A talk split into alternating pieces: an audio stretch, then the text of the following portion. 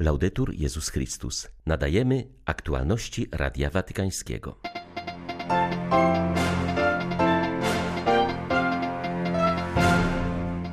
Ojciec Święty wezwał uczestników szczytu klimatycznego, który rozpocznie się w niedzielę w Glasgow, do podjęcia radykalnych kroków mających na celu złagodzenie skutków zmian klimatycznych.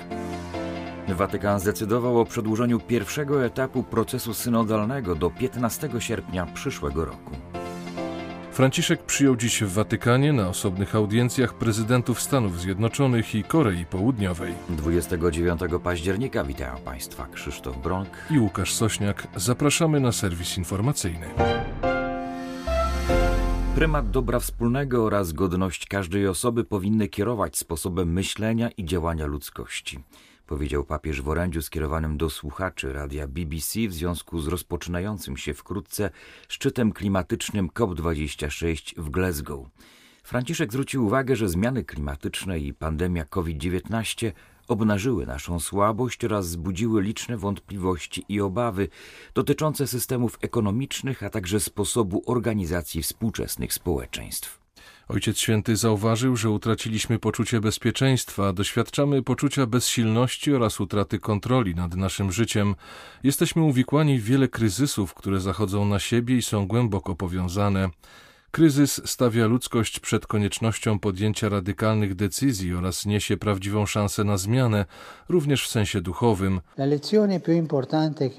Najważniejszą lekcją, jaką możemy wynieść z tych kryzysów, jest nasza potrzeba budowania razem, tak aby nie było już żadnych granic, barier czy murów politycznych, za którymi moglibyśmy się ukryć. Jak wszyscy wiemy, nigdy nie wychodzimy z kryzysu sami, bez innych. Kilka tygodni temu, 4 października, spotkałem się z przywódcami religijnymi i naukowcami, aby podpisać wspólny apel, w którym wezwaliśmy siebie i naszych przywódców politycznych do działania w sposób bardziej odpowiedzialny i konsekwentny. Duże wrażenie wywarło na mnie to, co powiedział jeden z naukowców obecnych na tym spotkaniu. Powiedział on nam, jeśli sprawy będą toczyć się tak jak obecnie, za 50 lat moja wnuczka będzie musiała żyć w świecie nie do przeżycia. Nie możemy do tego dopuścić. Non lo possiamo permettere. Wyjątkowo długo, bo godzinę i 15 minut trwała papieska audiencja dla prezydenta Stanów Zjednoczonych. Joe Biden przybył do Rzymu na szczyt G20. Po audiencji u papieża spotkał się również z watykańskim sekretarzem stanu, kardynałem Pietrem Parolinem oraz szefem papieskiej dyplomacji, arcybiskupem Polem Gallagherem. Jak podało Watykańskie Biuro Prasowe, w trakcie serdecznych rozmów omówiono wspólne zaangażowanie w ochronę środowiska, sytuację zdrowotną i walkę z pandemią COVID-19, a także sytuację uchodźców i pomoc migrantom.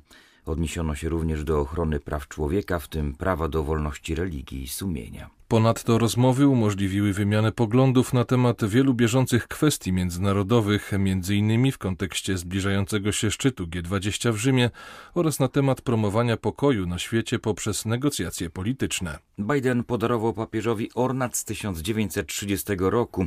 Pochodzi on z jezuickiej parafii w Waszyngtonie, do której należą katolicy prezydenci USA. Biały Dom przekazał też informację, że w związku z wizytą w Watykanie Biden przekaże osobisty dar na cele charytatywne. Papież Franciszek przyjął na audiencji prezydenta Korei Południowej. Moon Jae-in podziękował papieżowi za pozytywny wkład Kościoła w dialog pomiędzy zwaśnionymi państwami Półwyspu Koreańskiego. Jak czytamy w komunikacie Biura Prasowego Watykanu, w trakcie serdecznych rozmów wyrażono zadowolenie z dobrych relacji pomiędzy Stolicą Apostolską a Koreą Południową. Podkreślony został znaczący wkład Kościoła katolickiego w promowanie dialogu i pojednania między Koreami. Prezydent wyraził nadzieję na dalsze zaangażowanie w budowanie pokoju na Półwyspie Koreańskim, wspieranego przez Solidarność i Braterstwo. Rozmowy dotyczyły także innych kwestii regionalnych, innymi problemów związanych z katastrofami naturalnymi. Watykan zdecydował o przedłużeniu pierwszego etapu synodu o synodalności do 15 sierpnia przyszłego roku. Decyzja została podjęta w wyniku napływających z całego świata próśb skierowanych do stolicy apostolskiej o wydłużenie tej fazy, aby dać wszystkim katolikom czas na doświadczenie słuchania, dialogu i rozeznania. W komunikacie Sekretariatu Generalnego Synodu Biskupów czytamy, że ostatnie tygodnie pokazały wielkie zaangażowanie katolików w proces synodalny. Dowodem na to są liczne głosy napływające z diecezji i eparchii. Świadomi, że ta pierwsza faza ma zasadnicze znaczenie dla drogi synodalnej, mając na względzie dobro Kościoła, Rada Stała Synodu Biskupów postanowiła przesunąć termin przedstawiania streszczeń konsultacji prowadzonych przez episkopaty, eparchie i inne jednostki kościelne, czytamy w watykańskim komunikacie. Kościelni państwowi przedstawiciele Polski i Litwy dziękowali wczoraj wieczorem w Bazylice Matki Bożej Większej za wspólne dzieje obu narodów. Okazją ku temu była 230. rocznica zaręczenia wzajemnego obojga narodów w kontekście Konstytucji 3 maja. Liturgii przewodniczył kardynał Stanisław Ryłko. Z Litwy przyjechał arcybiskup wileński Gintaras Gruszas, który od niedawna jest również przewodniczącym Rady Konferencji Episkopatów Europy.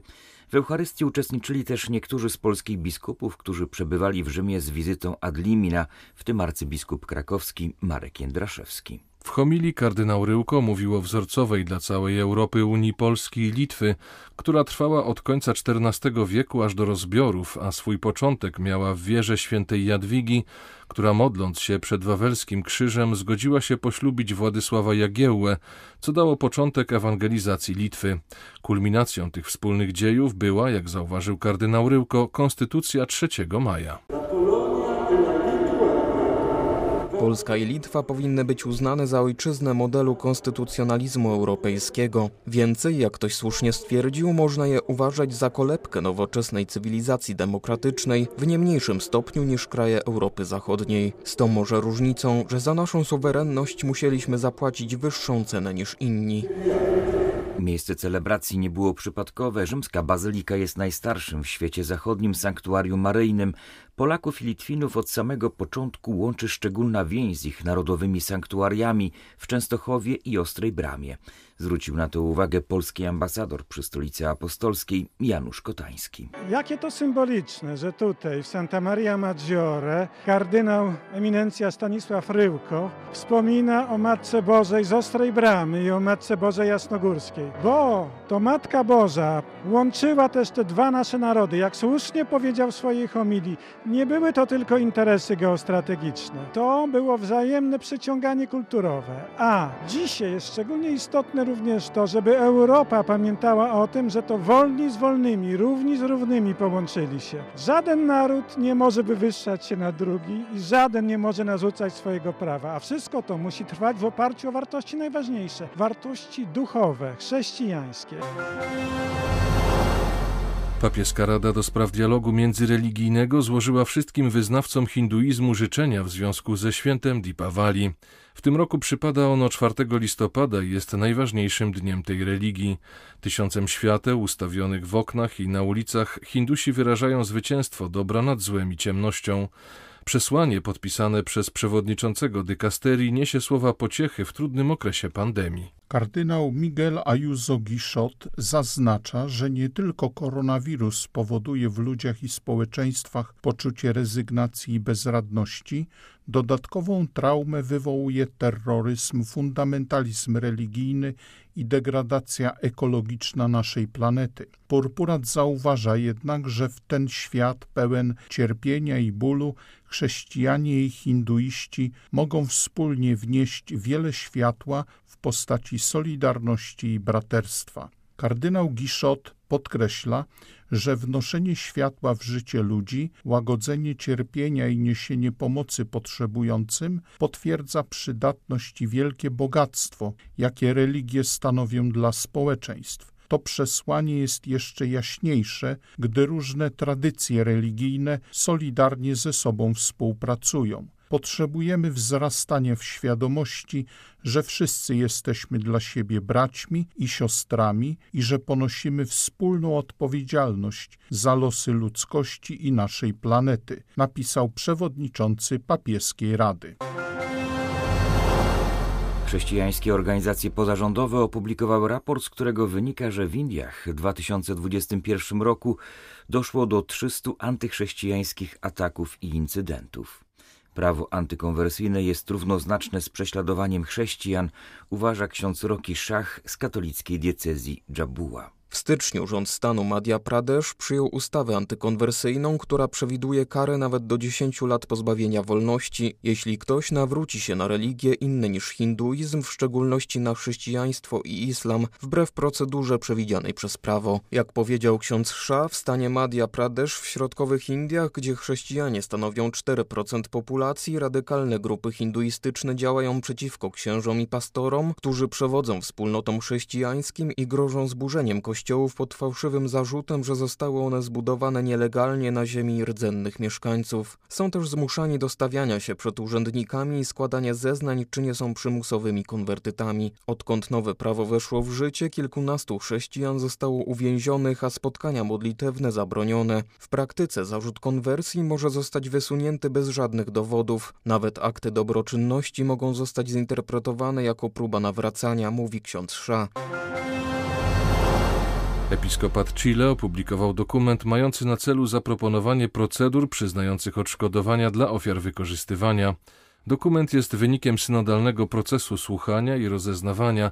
Został zatwierdzony na ostatnim plenarnym zgromadzeniu biskupów. Tekst zakłada konieczność ustanowienia procedur zapobiegania i zwalczania przestępstw wykorzystywania seksualnego oraz zapobiegania wszystkiemu, co może powodować utratę zaufania wiernych. Dokument, uznając konieczność przyznawania odszkodowań za wymóg etyczny i duszpasterski, proponuje zestaw środków mających na celu umożliwienie ofiarom doświadczenia uzdrowienia, które mogą obejmować m.in. działania psychologiczne, duchowe, ekonomiczne i prawne.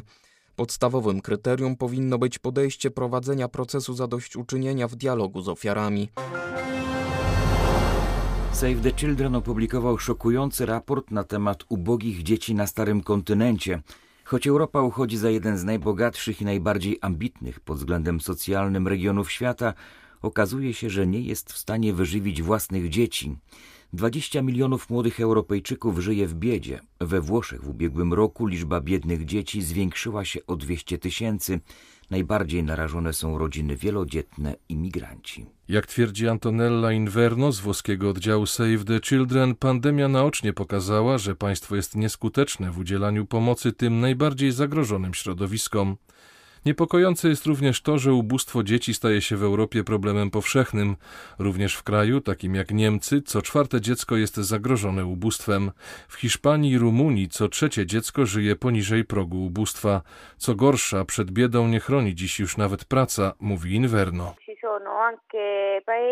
W takich krajach jak Hiszpania czy Holandia 40% dzieci zagrożonych biedą żyje w rodzinach, w których oboje rodziców ma pracę. Pokazuje to, że wciąż poszerza się klasa tzw. Tak ubogich pracowników, a zatem problemem jest zarówno jakość pracy, jak i polityki rodzinnej, zwłaszcza w odniesieniu do rodzin wielodzietnych czy imigranckich. Ponadto ubóstwo materialne jest ściśle związane z ubóstwem edukacyjnym. Coraz bardziej sprawdza się reguła, że ten, kto nie urodził się w środowisku uprzywilejowanym, będzie miał coraz więcej problemów ze zdobyciem odpowiedniego wykształcenia, które umożliwiłoby mu wydostanie się z biedy. Jest to związane z jakością oświaty, służby zdrowia, mieszkania, a także wyżywienia. W Europie powrócił bowiem problem ubóstwa żywnościowego. Znów są dzieci, które nie mają przynajmniej jednego pełnego posiłku dziennie. Innymi słowy, dzieci, które są ubogie w dzieciństwie, najprawdopodobniej będą ubogie również jako dorośli. Były to aktualności Radia Watykańskiego. Laudetur Jezus Chrystus.